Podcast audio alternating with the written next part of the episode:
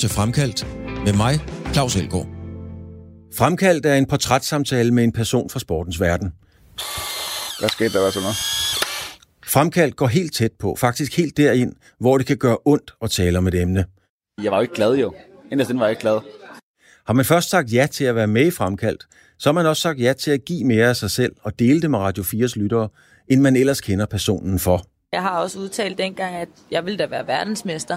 Jeg tror bare, folk tænkte, ja ja, der er lang vej, eller kom nu ned på jorden, eller et eller andet. Ikke? Men så sidder man her i dag, og det lykkedes. Når du har hørt fremkaldt, så er du blevet klogere på et menneske, som du enten holder med, eller måske slet ikke bryder dig om. Den danske orienteringsløber Maja Alm har vundet VM-guld ikke mindre end syv gange, og det er i sig selv en helt unik præstation. Men det er ikke nok for den 32-årige løber. Hun vil nemlig til OL, og det vil hun på 5.000 meter distancen. Selvom den sejrsvandte atlet udmærket godt ved, at hun er lysår fra at kunne vinde en medalje, og i sig selv også meget langt fra overhovedet at kunne klare kvalifikationskravet til at komme til OL, men det skræmmer hende ikke væk. Og samtidig er maratonløb også begyndt at spøge i Maja Alms bevidsthed. Men hvorfor løber Maja Alm? Løber hun fra alderen? Løber hun fra sig selv? Eller prøver hun at løbe fra den stillhed, der venter, når karrieren er slut? Maja Alm er ugens gæst i Fremkaldt. Maja, nu sidder vi på Aarhus Stadion og kigger ud over øh, fodboldbanen, og ikke mindst den løbebane, som øh, du kommer til at, og har brugt jo øh, rigtig, rigtig meget. Og har stille og fugle, der piper, og alt er idyll. Men du er simpelthen nødt til at forklare mig, hvad er det sjove ved at løbe rundt og rundt og rundt og rundt? Det, det, det er ikke for at være sarkastisk, jeg skal bare kunne forstå det for mig. Ja, jeg, altså jeg tror også, det tog lidt tid for mig selv sådan at finde frem til den der glæde ved løb, egentlig. Øhm, altså da jeg var yngre, der løb jeg orienteringsløb og synes, det var rigtig sjovt det her med at, at løbe med et kort, og der glemmer man lidt, hvor hårdt det er. Øhm, men med tiden er jeg egentlig begyndt at holde rigtig meget af og spare løbetræne. Det der med, at det bliver så rent fysisk. Altså det er hvad du selv kan øh, mod, mod tiden øh, og mod, mod banen øh, og, det, og det mentale game, der er i, at, at, at det bliver så monotont. Øh, så jeg synes virkelig, det er, det er fedt det der med, at der er bare ingen undskyldninger inde på sådan en bane her. Altså sådan, den er 400 meter rundt, og der er ikke, altså du, du kan ikke snyde, du kan ikke sådan lige sige, hvis du løber ud i skoven, så kan du sige, nah, men, nah, der er også lige lidt bakker, eller GPS'en er ikke lige præcis, eller, altså det er bare fedt det der med, at, at det er rent fysisk. Og så nogle dage kan du selvfølgelig ikke leve op til det, du gerne vil, men andre dage, så overrasker du dig selv. Og det der med hele tiden at have et mål for, hvor du er og hvor du skal hen, det synes jeg er mega fedt. Hvad giver det dig, når du, når du tager træningsturene, altså de, de sure dage, hvor det regner, det er koldt, og du er ikke i konkurrence, du skal ikke sætte en tid. Altså, hvad, hvad er glæden der så? Det skal jeg også kunne forstå. Jamen, det er så lidt noget andet. Der synes jeg, enten så løber jeg alene, ofte med musik i ørerne, og sådan kobler af, altså sådan lige at få fordøjet dagen, øh, eller kommer i gang om morgenen. Øh, og det er sådan ren sådan afslappnings- og... Øh, altså sådan, man får virkelig renset hjernen på sådan en løbetur. Og så når du kommer ind fra at have løbet, så altså de der endorfiner, du får frisat. Mm. Øh, jeg havde for halvandet år siden, fik jeg jernrystelse efter en konkurrence, og kunne ikke løbe i fire uger.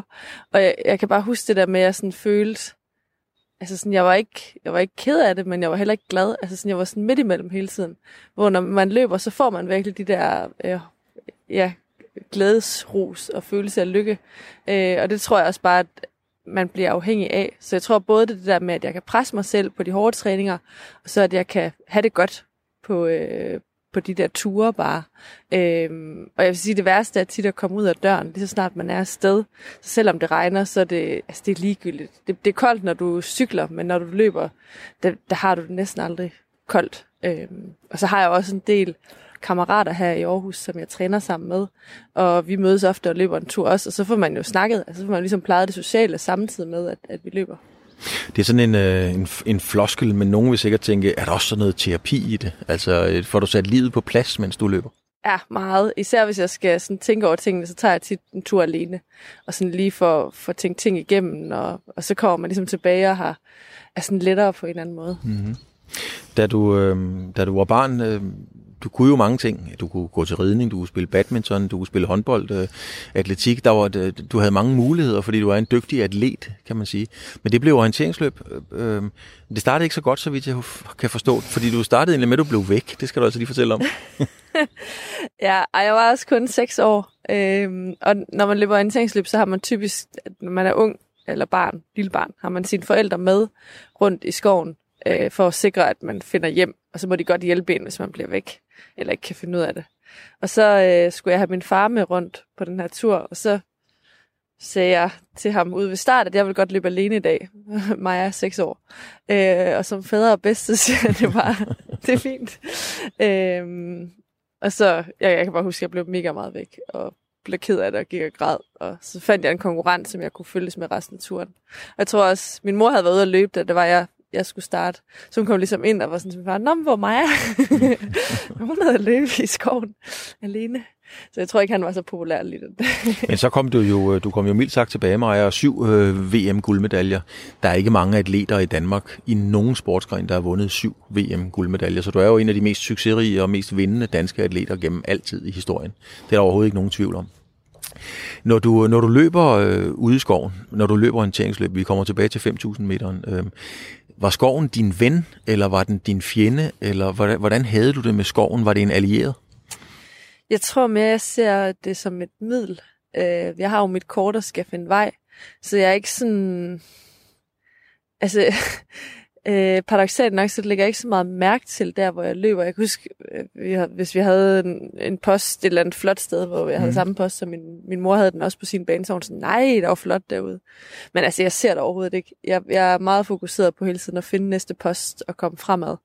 Øh, så, så for mig er det mere min arena. Altså ligesom nu her, når man løber atletik, så er atletikbanen arenaen, og når jeg løber i skoven, så er, så er den min arena. Men, men øh, altså, taler man med skoven? Jeg kan da huske nogle gange, når jeg, og det har jo slet ikke været på det niveau, bare jeg skulle cykle en tur i skole, det regnede, så snakkede jeg med cyklen og med vejret og med Gud og hvem der ellers kom forbi, og nogle gange forbandet, og der andre gange lovprist af det. Ja. Taler, taler du nogle gange med skoven, når du løber derude?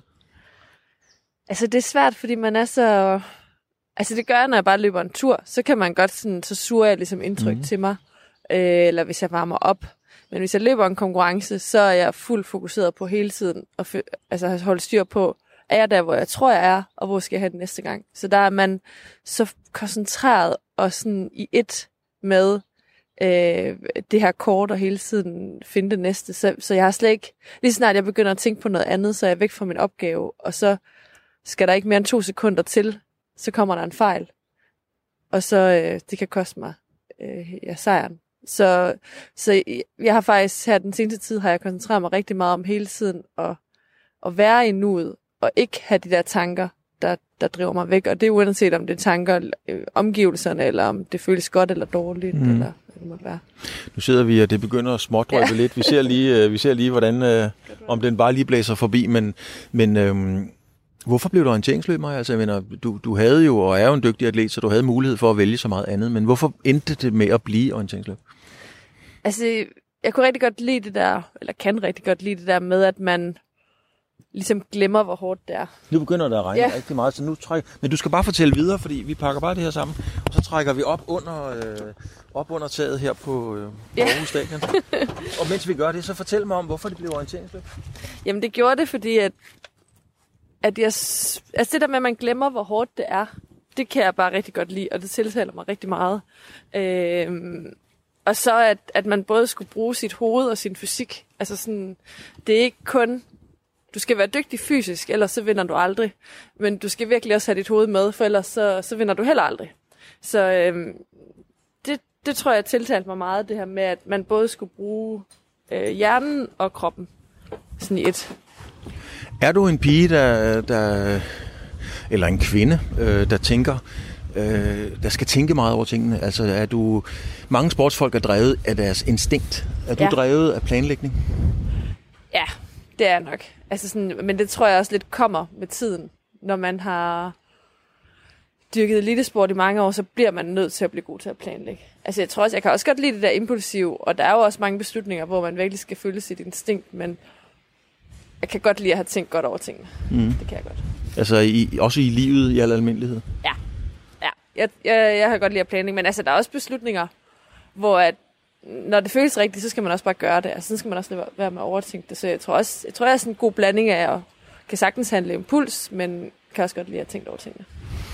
Og så har du selvfølgelig også tænkt over, hvorfor du ligesom konverterer syv guldmedaljer fra orienteringsløb til at skulle løbe 5.000 meter. Det er jo ikke noget, du lige har gjort en, en tirsdag morgen, sagt, nu skal det være 5.000 meter. Hvad er det for nogle overvejelser, du har haft i forhold til at, at skifte? Altså, jeg synes, i og med, at, at jeg har lavet mere og mere fysisk træning, altså, da jeg var kun orienteringsløber, der løb jeg orienteringsløb i weekenden, og måske en gang i hverdagen, og ellers så var det ren fysisk træning resten. Så jeg er jo blevet meget mere og mere en altså fysisk løber, og kan også se, at jeg har rykket mig rigtig meget på det fysiske. Så jeg synes egentlig, det kunne være rigtig interessant at finde ud af, hvor hurtigt kunne jeg blive på en bane, hvis jeg virkelig prioriterede det. Øhm, og så synes jeg også, at der er bare mange, der ikke kan relatere til orienteringsløb, og ikke har noget begreb om, hvor fysisk stærke vi egentlig er. Også fordi, når man løber ind i terrænet, så ser det jo ikke hurtigt ud. Altså sådan, det, vi ligner jo nogen, der bare løber nu så lidt. Øh, og det gør vi jo bestemt ikke. Altså, vi, vi er jo virkelig øh, stærke løbere også bare. Øh, så jeg synes, det kunne være ret fedt at ligesom have sådan et rent fysisk mål for, hvor hurtig er jeg egentlig, når jeg er bedst. Fordi det synes jeg understreger meget, hvad man skal kunne for at blive sygdobbelt verdensmester i orienteringsløb. Så skal man kunne løbe 15.40 på en bane. 15.35. Ja. Men når du så sætter de tider og løber, løber du så mere mod dig selv? Øh, fordi man, man, når jeg interviewer cykelrytter, så siger de, at vi kører jo i og for sig kun mod pulsuret. Altså, vi kører slet ikke mod modstandere. Løber du mod nogen, eller løber du mod din egen fysik? Altså, jeg, jeg løber rigtig meget mod mig selv. Og jeg er også sådan... Altså, jeg synes generelt i sport, eller især i Danmark, kan man godt blive sådan lidt snæversynet og have fokus på sådan, at man skal være bedre end de andre i Danmark, hvor at jeg synes bare, det er fedt, hvis der er nogle andre, der er gode, for så ved jeg, at der er nogen, der presser mig. Øhm, og jeg synes ikke, det gør mig dårligere, at, at der er nogle andre, der også er gode. Altså, jeg har slet ikke det der... Jo, jeg vil gerne være bedst, men det ved jeg også nok, hvis jeg virkelig gør mig umage, så, så rykker jeg også rigtig meget, og så bliver jeg også bedst, eller meget bedre, end, end hvad jeg er sådan, på nuværende tidspunkt, for eksempel. Øh, men jeg har slet ikke den der med, at, at jeg skal hele tiden bevise, at jeg er bedre end andre. Altså sådan, jeg synes bare, det er fedt, at, at der er noget konkurrence og nogen til at presse ind. Nu sagde du selv, Maja, det der med, at, øh, at øh, der er ikke ret mange, der ved, hvor, hvor dygtige atleter I rent faktisk er. Der er jo heller ikke ret mange, der reelt ved, hvem i egentlig er som orienteringsløber. altså på trods af, at du har syv øh, guldmedaljer til VM, så er det jo øh, ikke alle mennesker på gaden nødvendigvis, der lige ved, hvem du er. Nej. Øhm, jeg har fundet et lille klip her, det er noget helt andet, men det er med Janette Ottesen. Hende har nemlig også haft med i programmet. Lad os lige prøve at høre, lad os lige prøve at høre Janette.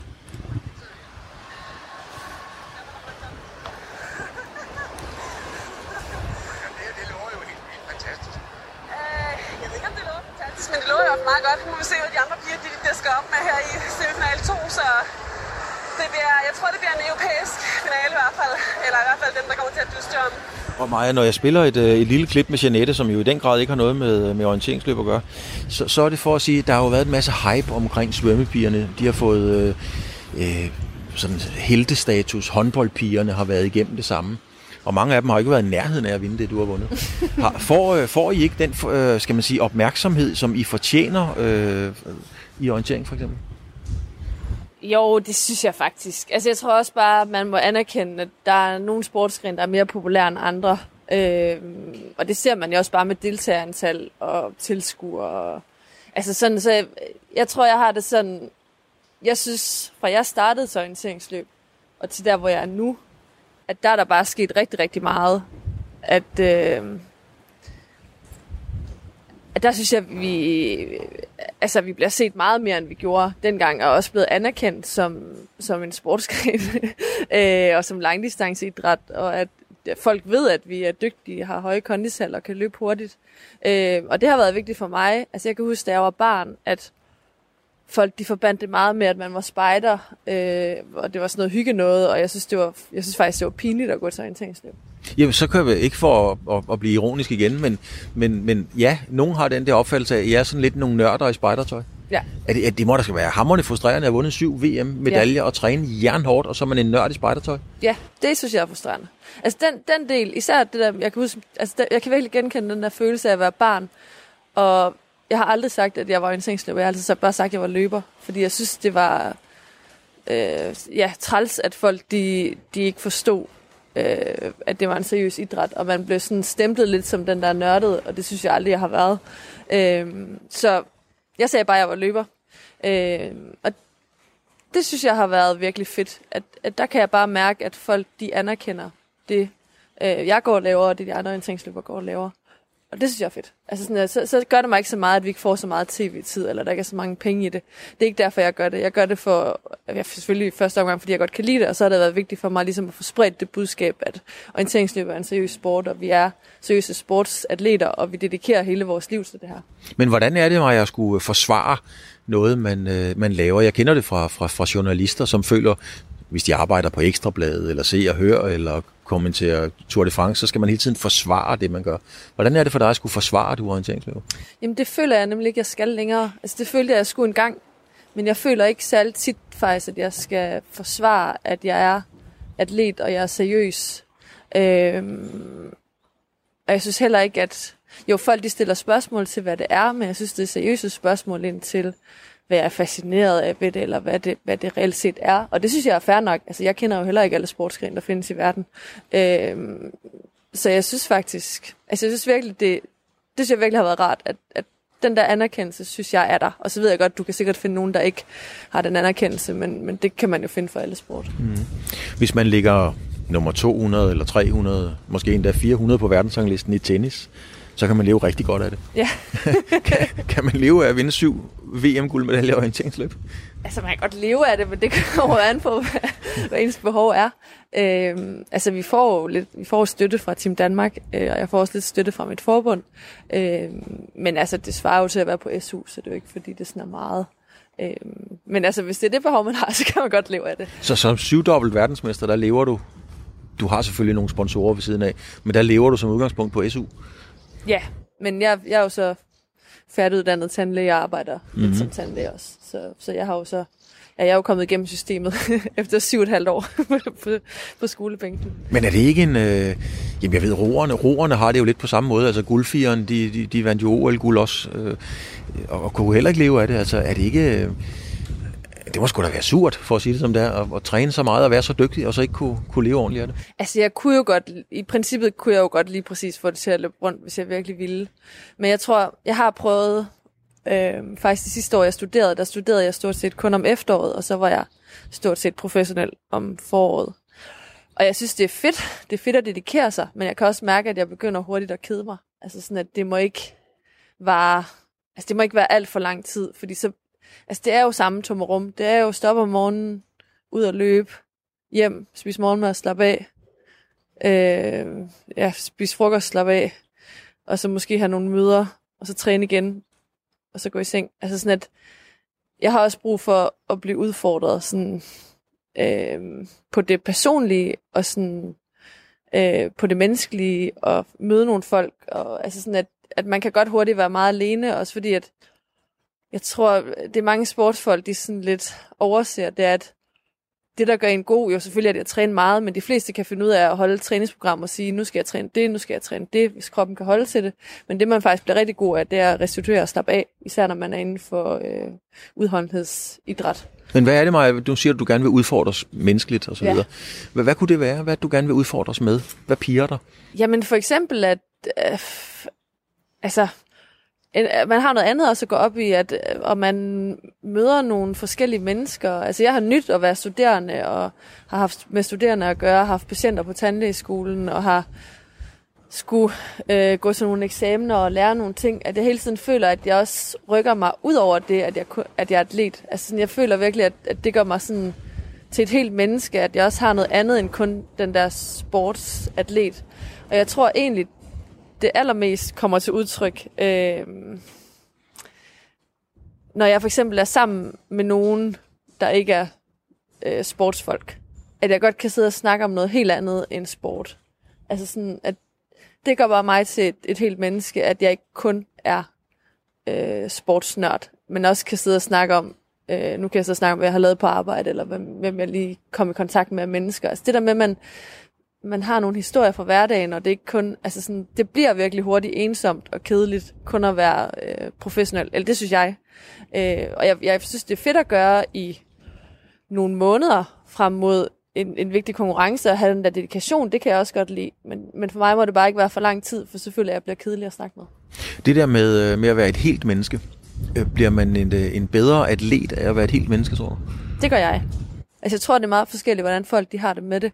Øh, men jeg gør helt sikkert, altså jeg, det der med, at, at der er noget andet bag, og ikke kun atleten. Øh, og det, det tror jeg er rent den der altså hvordan jeg har det. Jeg kan også mærke de dage, hvor jeg kun træner eller ikke skal andet. Jeg kommer også hurtigt til bare at sumpe ned i sådan en gear, hvor jeg sådan sidder selv ser og trækker lidt og kommer ud og løbe. Og så løber jeg måske lige før frokost, fordi jeg godt ved, at okay, jeg bør løbe før frokost, fordi ellers hvis jeg skal have den træning, så kommer de for tæt på hinanden. Og så bliver man helt vildt træt om eftermiddagen og skal sådan slæbe sig ud igen.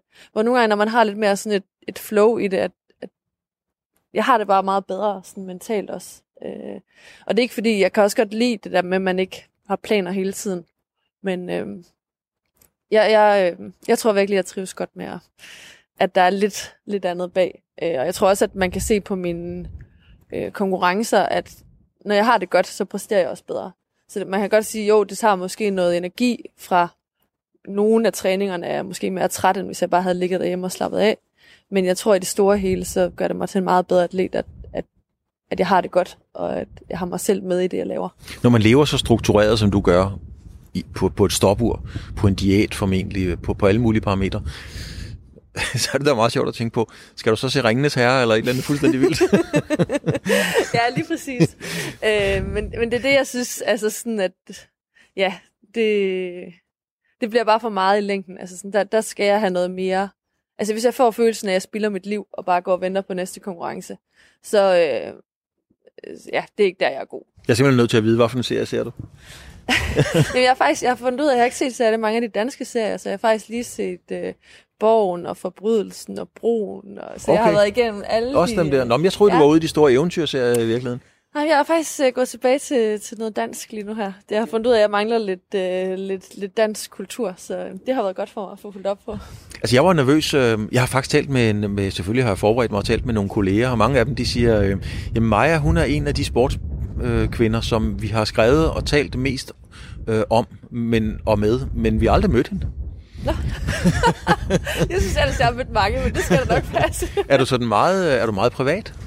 Nej, det synes jeg overhovedet ikke. Nej. Men øh, jeg kunne mærke, det var faktisk, da jeg blev nomineret til årets sportsnavn i 2015, var det vel øh, første gang, jeg blev nomineret øh, til det store sportsgala-show i DR, hvor der steg interessen jo mega meget. Altså, jeg havde jo vundet VM der i 15, og så er det jo lige januar 16, at man bliver nomineret. Ja. Og der var bare mega meget interesse lige der omkring, og der havde ikke været særlig meget, da jeg vandt VM, var det sådan, der var nogen, der skrev og snakkede med et par stykker, men her var det hele tiden flere journalister om, om ugen, og skulle til en til den anden til tredje. Og der blev jeg sådan helt, jeg kunne mærke, at jeg sådan blev nærmest sådan, altså nu har jeg ikke haft sådan decideret stress, men jeg blev sådan stresset af det, at, at det blev for meget. Ja. Øhm, så jeg har faktisk lært at passe på mig selv, og kun sige ja til ting, som jeg virkelig gider, og som jeg glæder mig til. Øhm, så, så, så, til. så, så når vi så Janette Ottesen før, som der jo er et kæmpe hype omkring, og som Janette jo også selv er med til at skabe, ja. så, er det ikke, så er det ikke noget, du savner? Nej, jeg synes hurtigt, det bliver for meget. Altså sådan, jeg vil gerne øh, stille op i ting, og jeg tror også, jeg har følt faktisk et rigtig stort øh, pres for at skulle gøre det, fordi at jeg repræsenterede en lille idræt, som havde brug for den taletid. Mm. Øh, så jeg har følt, at jeg skulle gøre det. Og der har det egentlig været rart at komme over i atletik, hvor at atletik er meget større og har ikke på samme måde. Altså folk ved godt, hvad 5.000 meter løb er. Øh, og jeg, jeg, har, jeg føler ikke, at jeg har det ansvar for at skal stille op hele tiden. Så nu kan jeg mere sådan gøre det lidt, når jeg føler, at det er noget, der giver mening for mig, og noget, jeg har lyst til, så siger jeg ja. Og det er noget, jeg ikke har lyst til, så siger jeg, at det passer ikke. Eller, eller også, altså også at finde ud af, at, at det er også okay nu, at man gør det på mine præmisser. At det kan godt være, at folk spørger, om man kan noget i den her uge, så kan man sige, jeg kan simpelthen ikke få det til at passe, men jeg kan i næste uge eller om to uger. Øh, og der, så er de fleste også søde og siger, det er fint, så gør vi det der. Du sagde før, at, øh, at du godt kunne komme til at kede dig. Ja. Og, og jeg skal være helt ærlig, Maja, at jeg, jeg, jeg, jeg jeg har virkelig været nervøs for det her øh, interview, fordi jeg har fandme været bange for, at du efter 12 minutter ville sidde og kede dig. Det er muligt, at du gør det, men, men så skjuler du det godt. Ikke men, men jeg har simpelthen været nervøs for, hvad nu som kommer til at kede sig, ville det. Ej, sådan er det heller ikke. og sådan er det heller ikke. Ej, jeg keder mig sjældent i, øh, i folks selskab. Jeg keder mig mere, hvis jeg går der rundt derhjemme og sådan i nattøjet. Og især, jeg kan huske, at jeg snakkede med Sarah Slot om det også, at første gang hun havde sådan et professionelt år, og der sagde hun også, at hun kom aldrig ud af nattøjet. Altså det var i træningstøjet, og så i, i nattøj eller joggingtøj. Mm. Og det der med, at man bare sådan summer rundt, altså sådan, det var hun sådan, anden gang hun så skulle være professionel, der havde hun meget mere øh, det der med at få en hverdag og komme i tøjet og få nogle ting, man ligesom skal øh, for at have den der rytme. Fordi det tror jeg altså er sundt for mennesker, også atleter, som jo har selvfølgelig træningen, men, men også bare det der med resten af tiden, at, at man ligesom skal noget. Nu har vi, øh, nu har du meget øh, smukt, skal man sige, givet udtryk for, for, for meget din tilgang til livet og hele mennesker osv. Kulturen har der jo været meget øh, debat om i dansk eliteidræt. Også i orienteringsforbundet, mm. også i svømmeforbundet osv. Og jeg har stor respekt, du har sagt til mig, at du vil ikke kon- kommentere konkret på sagen i, i orientering. Det har jeg stor respekt for. Øhm, men, men kulturen generelt i dansk eliteidræt, hvad, hvad, hvad synes du om den? Og jeg synes, det er svært, for jeg har jo lidt sådan en oplevelse af, at det er meget forskelligt fra hvilket forbund man kigger ind i. Øh, men jeg synes jo, altså jeg har jo selv været en del af, af en stor udvikling, altså hvor vi gik fra at være måske knap så professionelle til at, at ligesom øh, sådan strømline, hvilken vej vi gik. Øh, og altså ligesom lave sådan en retning, det er den her vej, vi går, og folk de ligesom skulle commit sig. Øh, og jeg flyttede selv fra Sønderjylland, da jeg var 18 år, for at komme til et bedre træningsmiljø. Have nogen at træne sammen med, øh, og rykkede mig rigtig meget af det. Øh, og tror også, det er det, der ligesom på en eller anden måde redder mig den dag i dag, at jeg allerede som 18-årig tog stilling til, hvad er det, jeg vil. Øh, vil jeg det her, eller vil jeg det ikke? Fordi det er alligevel også stort at flytte fra familien, øh, når man er kun 18. Øh, så, så jeg tror, det mange atleter og miljøer mangler, det er ligesom måske sådan helt 100 at tage en beslutning om, hvad er det, jeg vil. Altså sådan, der er mange unge, så vil de gerne både øh, Øh, komme til alle fester, og de vil gerne lave alle lektier i gymnasiet, og de vil også gerne være eliteatleter, og det kan man ikke. Altså man bliver nødt til at prioritere, og det er ikke fordi, man, man aldrig kan gå til fest, eller man aldrig kan lave gode afleveringer, men så bliver man nødt til at prioritere, hvornår ting er vigtigt. Øhm, og det tror jeg ret tidligt, at jeg fandt ud af, at okay, mit forår, det er der alle mine konkurrencer ligger, så hvis der jeg virkelig strammer mig an fra nytår frem til konkurrencen i typisk øh, sommeren, så bliver jeg rigtig, rigtig god. Og så gør det ikke så meget, at jeg går til fest hver weekend om vinteren, hvis det er det, jeg har lyst til. Og så fandt jeg også hurtigt ud af, at når jeg havde været til fest to weekender i streg, så var det jo ikke så spændende alligevel. Altså sådan, men det der med, at man ikke sætter begrænsninger, men man alligevel tager nogle valg og kan finde ud af at prioritere, så er der også virkelig, virkelig, virkelig mange fester og familiekomsamster, bryllupper, begravelser, øh, fødselsdage, jeg ikke har været til øh, hvor jeg har måttet sige nej. Men det har jeg så også haft det godt nok med, for jeg ved også, at, at jeg har kunnet prioritere det på andre tidspunkter. Og jeg tror, det tror jeg virkelig, man skal, man skal kunne finde ud af. Men hvem har så, øh, hvem har så ansvaret, Maja? Nu, nu har der jo været, øh, især svømmesagen, som jo er blevet øh, belyst meget grundigt igennem dokumentarer, tv-udsendelser osv. Hvem, hvem har ansvaret? Er det op til atleten selv og forældrene og omgangen omkring det at passe på? Er det Team Danmark? Er det træneren? Hvor ligger ansvaret? Det store ansvar? Altså, jeg synes, i... Altså, jeg har været glad for, at mine forældre, de har holdt sig ude af det. Ja. Øh, de har aldrig presset mig. De har kun støttet mig. Og det synes jeg egentlig er en fin sådan, tilgang, at, at forældre skal støtte, de skal ikke presse. Det skal ikke være dem, der sådan uh, pusher, fordi så, det tror jeg, folk løber død i. Det er rart at vide, at man bare har en støtte i dem. Eller det har været rart for mig i hvert fald. Øh, men for mig har det så været, altså fordi jeg ikke har løbet presset hjemmefra, har jeg jo så haft en træner, der har presset mig en del. Øh, og det har fungeret for mig øh, og fået mig til at tage nogle valg og nogle, nogle beslutninger, der var vigtige. Øh, men jeg tror, det er vigtigt også at huske, at altså, jeg tror godt, at trænere må presse og stille krav, og det tror jeg også, man skal. Altså sådan, man, man skal blive tvunget til også at tage stilling øh, til, hvad man vil, og også kunne prioritere, øh, hvad der er vigtigt. Fordi hvis man hele tiden øh, øh vælger fra, eller vil, altså sådan, hvis, man, hvis det bliver sådan lidt øh, tilfældigt, hvad man vælger, så bliver man aldrig rigtig god, og så kan man lige så godt lade være. Så kan man lige så godt bare øh, gå ned i sin motionsklub. Øh, og så tror jeg også, det er vigtigt, at man ser det som et hold. Altså nu er vi jo individuelle øh, atleter i øh, både orienteringsløb og i atletik. Men jeg tror også, at man bliver bare rigtig, rigtig god af at bruge hinanden. Og det tror jeg heller ikke, man skal fornægte. Og der kræver det også, at der er flere, der committer sig for, at man har et godt miljø.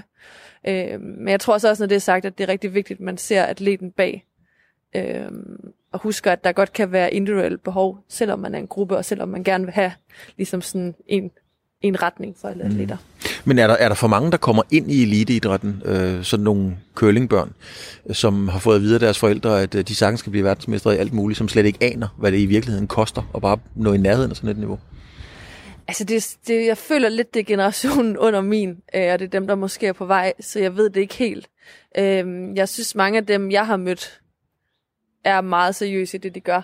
Øh, men, men altså, vi er jo måske også lidt ekstreme, fordi vi er udholdt sport, der skal man være lidt skør for at ville det. Øh, men jeg, jeg tror i hvert fald, det der med at stille krav, det, det tror jeg ikke, man skal være så bange for. Jeg tror bare, man skal, man skal huske at have en ordentlig tone og gøre det på en ordentlig måde. Øhm, altså, for jeg tror, det, det, der går galt, som man kan se gang på gang, det er jo dialogen. Altså, sådan, hvis, hvis den går skævt, så, så skaber det konflikter. Øh, og det er rigtig uheldigt, synes jeg. Uden at skal gå ind i, øh, i orienteringssagen, som, som jeg har lovet dig, vi ikke tager. Men, men den var der, og, men var det, må jeg spørge, var det det, der fik dig til at overveje at skifte? Altså at sige, nu skal jeg prøve 5.000 meter? Nej. Det var det ikke? Nej, nej, det var det ikke. Nej. Nej, for, altså sådan, nej, det har det ikke været. Hvad, hvorfor så? Jamen... Fordi nu er vi ved den, og vi giver lige igen. Vi sidder og kigger ud over stadion. Regnen har lagt sig lidt. Øh, det er jo sådan et underligt scenarie. Den er meget smuk og grøn, og så ligger der nogle øh, tomme øldåser i plastik, eller ølplastik og ja. blæser sådan lidt rundt dernede. Ja, der har været fodbold. Ikke? Der har været fodbold, kan man ja. sige. Ikke? Ja. Og det er jo så dernede, du skal, du skal slide dig til en uh, kvalifikation til, til OL. Du er, så vidt jeg ved, lige nu 18 sekunder fra det. Det var i hvert fald det sidste, jeg kunne finde frem til. Og 18 sekunder er meget. Ja. Øhm, hvorfor har du valgt 5.000 meter? Jamen, jeg synes, at det var fedt. Øh, en fed distance, at det bliver sådan meget fysisk, øh, uden at det er for langt. Jeg tror, jeg tror godt, jeg kan lide det at der stadigvæk er noget fart over feltet. Øh, og så var det meget sådan tilsvarende til den distance, som jeg er god på i orienteringsløb, som er sådan de der ja, 14-15 minutters løb. Så det passede egentlig meget godt ind i, at jeg kunne lave begge dele. Det var jo meningen, at jeg skulle have løbet VM i orientering på hjemmebane ja. her samme år som OL. Øhm, så der var ligesom sådan en større plan med, at det gav mening, og der var ikke no- nogen af delene, der sådan spændte ben for hinanden. Øhm, og så synes jeg jo, det kunne være mega fedt at komme med til, til OL, og det kan jeg jo ikke i orienteringsløb. Nej, det kan du jo i sagens natur ikke, nej, fordi det ikke er der. Nej, desværre. Øhm, så jeg synes, at... Og så tror jeg også, altså når man... Det er jo mega stort at vinde et VM første gang. Altså sådan... Øhm, og det er jo sådan en drøm. Altså jeg havde jo aldrig tænkt, at jeg skulle være verdensmester. Jeg havde tænkt, at jeg ville se, hvor god jeg kunne blive. Men jeg havde ikke tænkt, at, at jeg kunne lykkes med det. Øhm, men så er det som om det ene skridt tager det andet, og lige pludselig er de konkurrenter, som man plejer at kæmpe mod, det er dem, der lige pludselig er bedst i verden. Øhm, men så blev det også sådan lidt derfra, Nå, men så skulle jeg prøve at se, om jeg kunne gøre det igen og skulle gøre det igen. Og hver gang så blev det sådan meget forkrampet mod, at jeg havde en opskrift, jeg vidste, jeg skulle følge, og det skulle være sådan. Øhm, og hvis det ikke var sådan, så, så kunne det ikke lykkes. Og sådan, jeg synes, det var meget hårdt mentalt, det der med, at jeg skal gentage og gentage, og jeg kan ikke, når man er forsvarende verdensmester, kan man ikke imponere. Altså sådan, du kan ikke imponere nogen, fordi du har vundet. Altså, du kan kun fejle. Hvis, hvis du ikke vinder, så, så, øhm, så skuffer du på en eller anden måde, fordi folk ved godt, at, det er det, du har niveauet til. Men kan det ikke være en motivationsfaktor i sig selv? Helt sikkert. Men nu har jeg også vundet øh, den individuelle sprint fire år i streg. Øhm, og det har jo været mega stort og mega svært, og jeg vil sige, for hvert år bliver det jo sværere og sværere sværere, fordi der kommer det her øget pres. Og jeg kan også huske, at jeg snakkede med en sportspsykolog, fordi jeg havde helt vildt svært med det at forsvarende, at det var jo ligesom alle mod mig på en eller anden måde. Øhm, og hvor han sagde, at jeg skulle vente om og tænke, at det var mig, der var den angribende verdensmester, fordi du, du angriber lige så meget som alle de andre. Øhm, så jeg lærte jo ligesom sådan nogle tricks til, hvordan man, man sådan kan håndtere det. Men jeg tror, at det, det bliver også sådan lidt hårdt, det der med hele tiden at skulle, skulle gentage og ikke kan altså sådan imponere. Og, altså sådan, jeg kunne også mærke til sidst, folk var sådan, jamen, altså selvfølgelig var de imponeret, men det var også bare sådan, jamen selvfølgelig vinder du igen. Og sådan er det bare ikke. Altså der er ikke, der er ikke nogen, der vinder VM selvfølgelig igen. Det er mega hårdt arbejde et helt år op mod det her VM. Altså det, det, det, blev, det var ikke sådan, at det, til sidst var det ikke flot, du vandt VM. Der var det en forventning, at du ja, vandt VM. præcis. Og, og jeg tror for mig, der var det større, altså sådan, der kunne jeg godt mærke, at det blev sværere og sværere, det blev større og større, og konkurrencen blev også bedre og bedre og bedre på en eller anden måde. Øhm, så det svarer ligesom ikke helt overens med den indsats, jeg synes, jeg lagde øh, sådan i, hvad, hvad jeg sådan følte, det gav. Og der tror jeg bare, jeg savnede lidt den der, som da man var en ung atlet, og kigger frem mod et eller andet, og drømmer stort, og tænker, der vil jeg gerne hen. Og jeg er ikke sikker på, at jeg kan nå det, men det kunne være fedt. Men, men, men Maja, med syv VM-guldmedaljer, så har du været vant til at stå øverst på skamlen. Og uden at skal ødelægge den gode stemning, så kommer du ikke til at stå øverst på skamlen i 5.000 meter til OL. Nej. Det gør du jo nok ikke. Nej, det gør jeg nok ikke. Så hvorfor givet det? Jamen, fordi jeg synes, det der med at have det der, den der helt store drøm, der bare sådan øh, virkelig kan motivere en, og gøre, at man præcis gider at løbe ud, når det regner. Og, altså, at have den igen, det var bare det hele værd. Altså sådan at, og igen, så, hold op, nu regner det. Ja, se, og det er jo meget, det er jo helt fantastisk, fordi det er jo lige præcis det her, du skal igennem nu. Nu skal du ud og løbe. Du ved ikke engang, om du får kvalificeret dig, Nej. og det kommer til at pisse ned på nogle af træningsdagene. Og hjemme, hjemme, hjemme på væggen, der hænger syv VM-guldmedaljer. Ja. Hvorfor lægger du dig ikke hjem og ser Game of Thrones og kigger på dem og er glad? ja. ja, det kunne man også godt. Men jeg tror, at det der med, at, at, at der kom det der helt nye, store mål, man kan drømme om. Altså sådan, at det synes jeg bare har været mega stort, og har også gjort, at jeg altså sådan, her da jeg har været i orienteringsløb, har jeg kigget et år frem af gangen, og sådan sagt, nu må vi se, om jeg gider at blive ved, eller sådan, hvor lang tid jeg har. ligesom ikke sagt nogen sådan slutdato. Men det der med at have OL, der sådan var fire år frem, altså det har bare været mega fedt at bare sige, så er det det, jeg gør, og nu, øh, nu kører jeg 100% på det. Mm. Mm. Men hvad er, det, øh, hvad er det så, du drømmer om ved OL? Jeg har, du, vi kan lige se det her klip, mens vi stadigvæk kan høre regnen uh, siler ned. Det er fra uh, 2016, åbningsceremonien. Og det er, øh, det er de danske atleter, der, der går ind.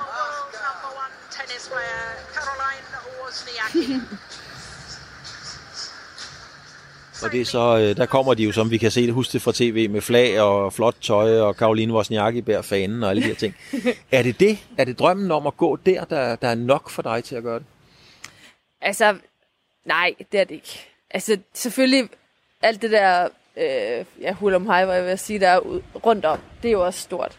Men for mig er det selve det umulige at komme fra at være orienteringsløber, og så prøve at komme med i en helt anden idræt, øh, at det kunne bare være rigtig stort. Så for mig er det mere målet i, at jeg ved, hvor god jeg skal være for at komme med.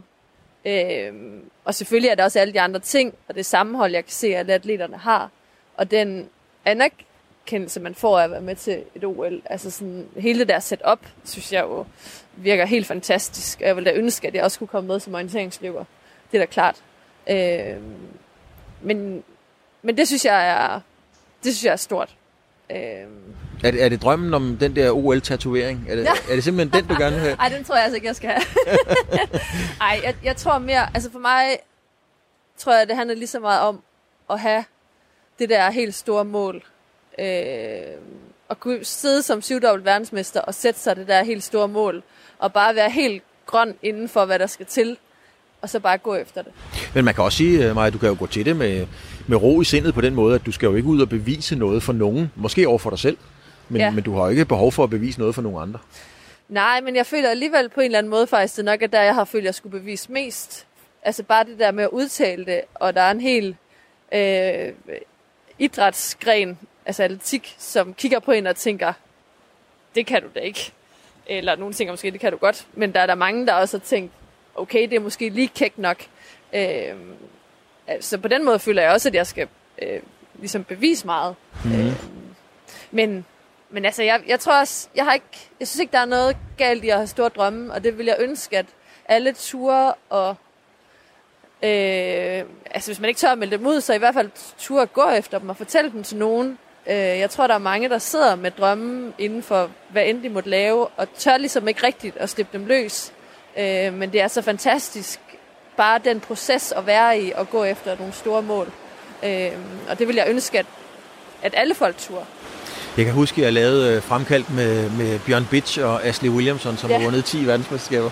Og øh, da de så aftaler, at de skal danse sammen, så siger, så siger Bjørn, altså som udgangspunkt, vi skal vinde syv verdensmesterskaber. Altså ikke noget med, at vi skal se, om vi kan blive nogle af de bedste i verden. Nej. Men, men udgangspunktet, det var, at vi skal vinde syv verdensmesterskaber. Er det lige vand på din mølle? Nej, for jeg tror egentlig ikke for mig, at det ikke så meget... Det er jo egentlig sådan lidt mærkeligt at sidde og sige som verdensmester, fordi for mig har det aldrig været øh, så meget altså resultatmålet i sig selv. Jo, selvfølgelig al- altså, synes jeg, det er fedt, at man, man, altså folk, der tør at sige, jeg vil være verdensmester, og så gå efter det, selvom man er en eller anden ungdomsløber, eller hvad man nu er. Men for mig har det mere været, altså den der med at se, hvor god kan jeg egentlig blive, og så er det der med resultaterne egentlig kommet, noget jeg lidt er blevet tvunget til at skulle sætte på bagefter, fordi det også er sundt, og at tit så har man jo inde i sit hoved tænkt, altså da jeg vandt en medalje første gang, der vandt jeg sølvmedalje til VM, så er næste skridt jo at prøve at gå efter guldet. Altså sådan, det er jo helt naturligt. Så for mig har det mere været sådan en øvelse i at prøve at sætte ord på, at jeg faktisk har de drømme. Øh, men for mig handler det lige så meget om det der med at optimere inden for alle områder, man kan. Øh, altså sådan, det er jo både, øh, hvad man kan træne, og hvad man kan holde til, og øh, smidighed, vægt. Øh, der er jo, altså sådan, og virkelig have optimeret alt sportspsykologi, det hele, og så gå ind til et løb, og så få det til at... Altså, du skal virkelig peak lige den dag, du har bestemt dig for for et år siden, at du skal. At det synes jeg er virkelig, virkelig svært. Og jeg synes, altså når man går til eksamen i skolen, så kommer der jo, du kan jo altid, hvis du dumper, kommer der altid et forsøg mere. Her der kommer ikke et forsøg mere. Det er den dag. Og hvis du ikke lykkes, så kan du vente et år mere. Øh, og så kommer der måske det kan du godt forsøg lide. i et nyt terræn. Jeg, jeg kan virkelig godt lide det der med, at det bare bliver sat på spidsen. Og det er så svært. Og det er ikke noget, alle kan håndtere. Øh, at det, den så- ekstraordinærhed kan jeg godt lide. Så er jeg nødt til at spille et klip for dig igen. Fordi Ja. at, øh, og jeg siger bare til lytterne, I kan høre det. Der kommer en tsunami af regn ned over øh, Aarhus Stadion lige i øjeblikket. Vi er kravlet helt op under, og det er faktisk rigtig hyggeligt at sidde heroppe. Ja. Men nu sagde du det her, du kan godt lide den der. Du har jo levet, øh, Maja, kan jeg godt høre, i en øh, rus af adrenalin og spænding, øh, Ja. fordi det, det piger dig. Nu har jeg simpelthen fundet et klip her med Sissel Sjørtegeby, der hedder I skovens dybe stille ro. Lad os lige prøve at høre, når Sissel synger den.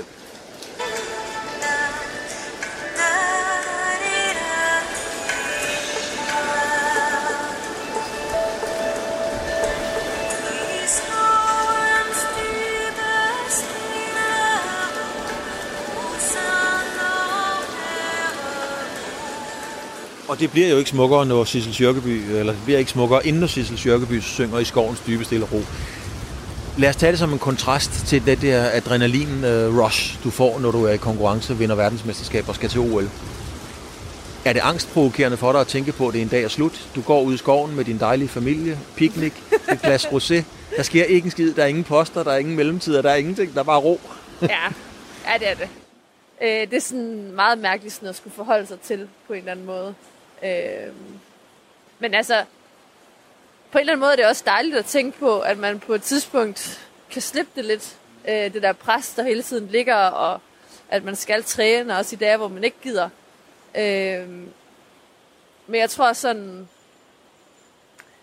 Jeg tror, jeg har egentlig sådan lige tænkt lidt over det her, fordi her i coronatiden har der jo været tid til at især sådan lige at dvæle over, okay, hvad er det egentlig, jeg har opnået, og, og sådan at kigge frem, og hvad, er det, hvad skal der nu ske, nu hvor at, at det her år ikke blev, som jeg havde tænkt, og altså sådan, jeg synes næsten det mest angstprovokerende, det er, at man bliver glemt for det, man har opnået. Altså Ja. sådan, at, at det synes jeg faktisk, fordi jeg kan jo godt se sådan, altså der er jo mange, hvis man taler inden for sportsverdenen, og de ved, hvem man er, synes de jo, det er imponerende, men størstedelen i Danmark ved det jo ikke.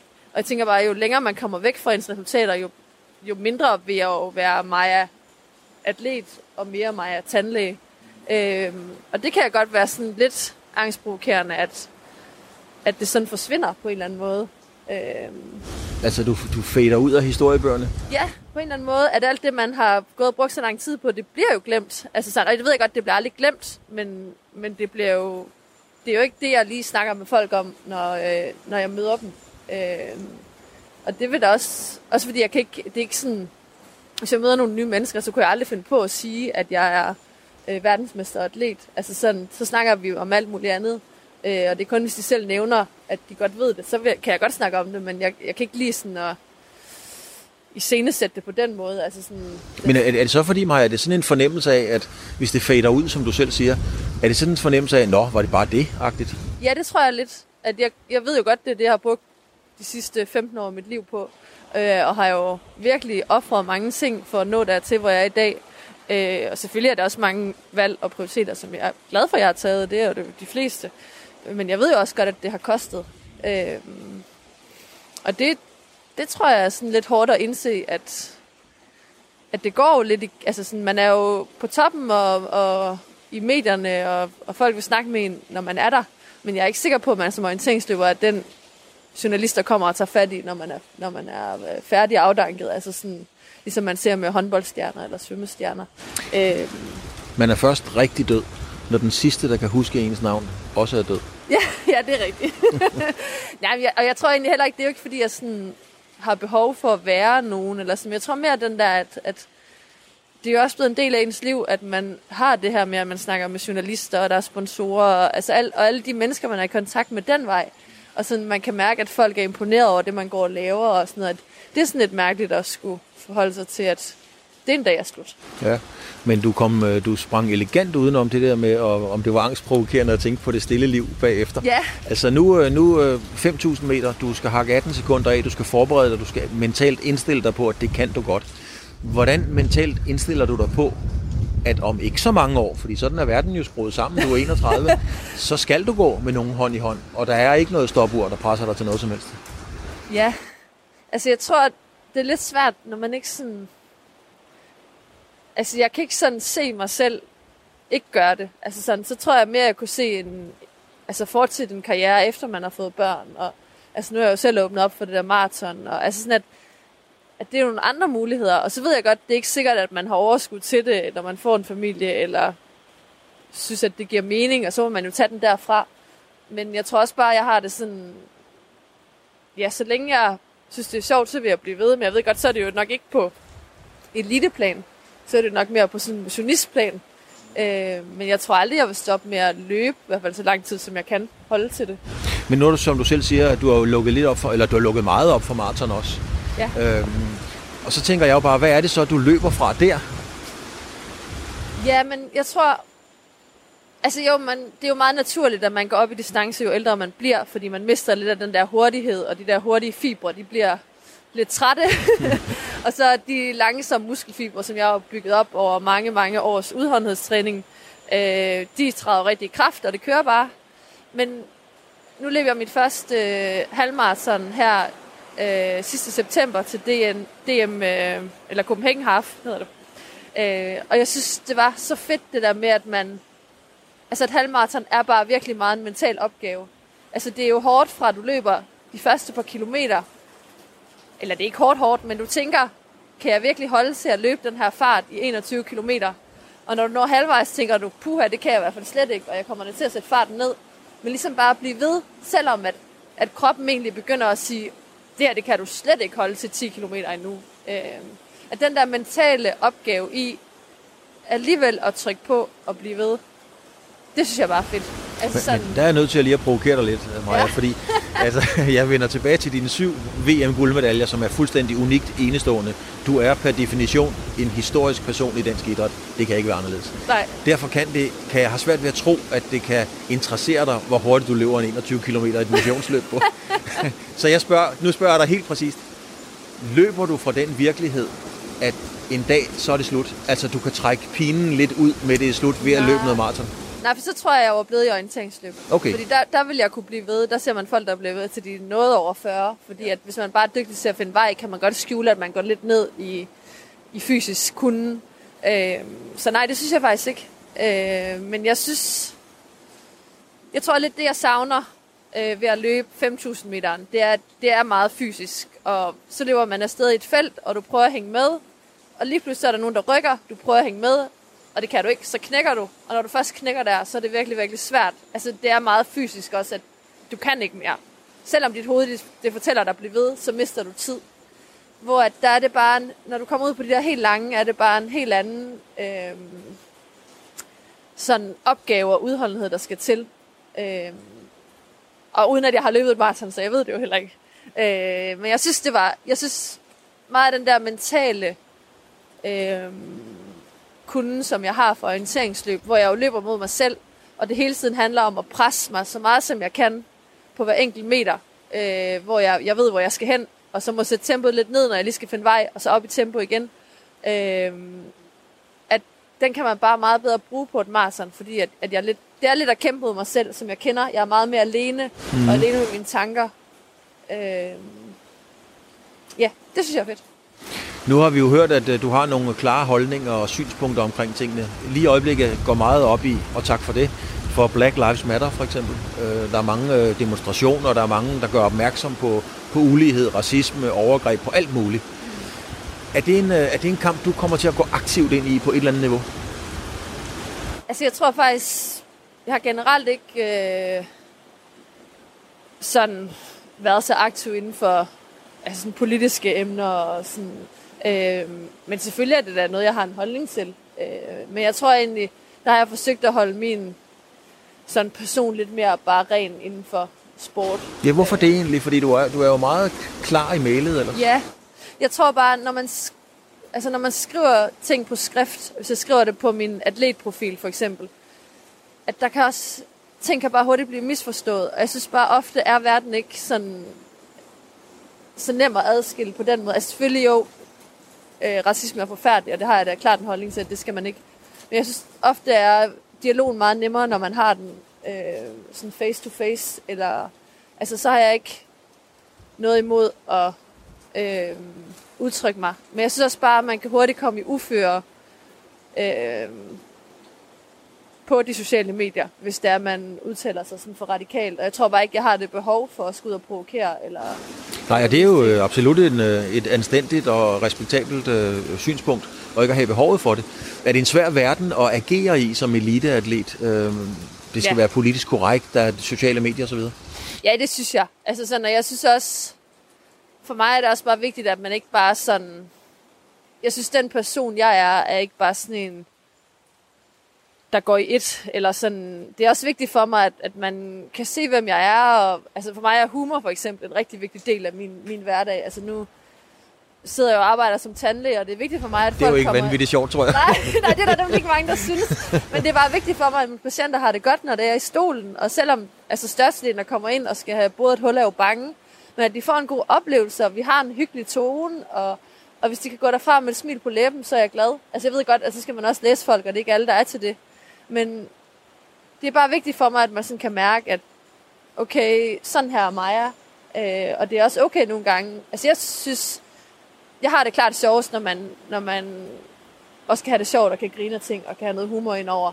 Øh, Men er der for mange nu, der står i kø for ligesom at være med til at have en holdning, hvor du toner rent flag og siger, at det har jeg ikke behov for. Jeg mener, hvad jeg mener, men det er mig, og det kommer ikke andre ved. ja, jeg synes, det er fint, at folk går ind i den kamp, hvis det er det, de har behov for. Øh, og jeg synes jo også, selvfølgelig er der også nogle områder, der er vigtigt, altså sådan, jeg synes, det er vigtigt at gøre end andre, men øh, nej, altså det, det synes jeg egentlig, folk de må selv om. Det bliver bare ikke mig, der gør det. Nej, nej. Vi er så småt ved at nå til, til vejs ende, Maja, vi, øh, og regnen den pisker ned. Ja, det gør men, den øh, godt nok. en, øh, en del af programmet her, det hedder jo fremkaldt, det er, at jeg skal tage et billede af dig. Nå for søren. Og øh, så skal du fortælle mig, øh, hvem der er, der er på det billede. Det bliver sjovt nok dig, fordi jeg tager billedet af dig. Ja. Og det, Skal jeg det lige gør håret? og det gør jeg, øh, det gør jeg der. Og så kigger vi på det her. Og så skal du simpelthen fortælle mig, ja, det er dig, men øh, hvad er det for en øh, atlet, kvinde, pige? Hvad vil du helst omtale som her? Hvad, hvem er det, der sidder der? Øh, jamen... Og det, jamen, det synes jeg, jeg er så dårlig til at omtale mig selv generelt. der, der er jeg godt nok meget øh, sønderjyde. Det har jeg virkelig svært ved. At... Men altså, jeg tror, det er en... Ja, altså, jeg omtaler mig selv som pige, faktisk. det, er- altså, jeg er jo en kvinde, og måske også en dame, men jeg bruger pige. Øh, en pige, som... Øh, nyder sit liv. Altså, elsker den vej, hun er gået, og synes, det er spændende. Er du det hele menneske, du talte om på det her billede? Ja, det synes jeg. Ja. Det synes jeg. Øh, og det, Det siger du med stor overbevisning, kan jeg se i øjnene på dig. Ja. Øhm, det, altså, jeg har, jeg har altid sagt... Jeg kan huske, min moster spurgte mig en gang, om hvor lang tid jeg ville blive ved med at, øh, at løbe. Og der sagde jeg lige så længe, jeg synes, det er sjovt. Og det, det tror jeg sådan er det vigtigste for mig, at øh, jeg har mig selv med, og jeg har tid til de ting, jeg gerne vil. Og så er der selvfølgelig rigtig, rigtig, rigtig mange ting, man skal vælge fra undervejs til toppen. Men øh, jeg synes, jeg har et rigtig godt af- afbalanceret liv, og jeg har tid til de Er du, ting, stolt af, er du stolt af det, du har bedrevet? Ja, altså jeg synes især nu her, når man lige har haft et, et halvt år, eller det er jo næsten et år væk fra konkurrencer og det hele, at, at det der med, at man lige sådan kan tænke tilbage, altså der er jeg da virkelig, virkelig stolt. Og jeg kan også nogle gange være sådan helt, hvis jeg sådan kigger ned på mig selv og tænker, hvordan opnåede jeg lige alle de ting? Altså sådan, hvordan vandt jeg alle de medaljer? Og det er jo fuldstændig sindssygt, hvordan har jeg kunne klare at gøre det igen og igen hvert år? Øhm, og det kan jeg stadigvæk ikke helt forstå, at, at, at det lykkes med. Så det er, altså det er jeg virkelig stolt af. Det tror jeg også, jo mere man får det på afstand, og jo mere man sådan, øh, ikke er i det længere, jo mere vil man også virkelig være stolt over det. Vil du være krænkende i de her tider og sige, at du er jo en flot pige? altså, vil du føle dig krænket? Nej, nej. Nej, det vil jeg ikke. Det, det er, øh, ja. Nej, det, det er et kompliment. Ja. Sidste spørgsmål, og vi, vi er vi jo nødt til at blive siddende alligevel, Maja, fordi vi kan sgu ikke gå nogen steder i det her alligevel. Men sidste spørgsmål, kan, det være, kan du være bange for, at du bliver husket som Maja, hende tandlægen, mere end Maja, syv VM-guldmedaljer? Øhm, jamen, det er jo lidt den angst, der på en eller anden måde lidt kommer. Øhm, men jeg tror egentlig... Altså, jeg synes... Det ville være stort, hvis jeg bliver husket som Maja Tandlægen, der har vundet syv VM-guld. det er en god Og løsning. forhåbentlig otte.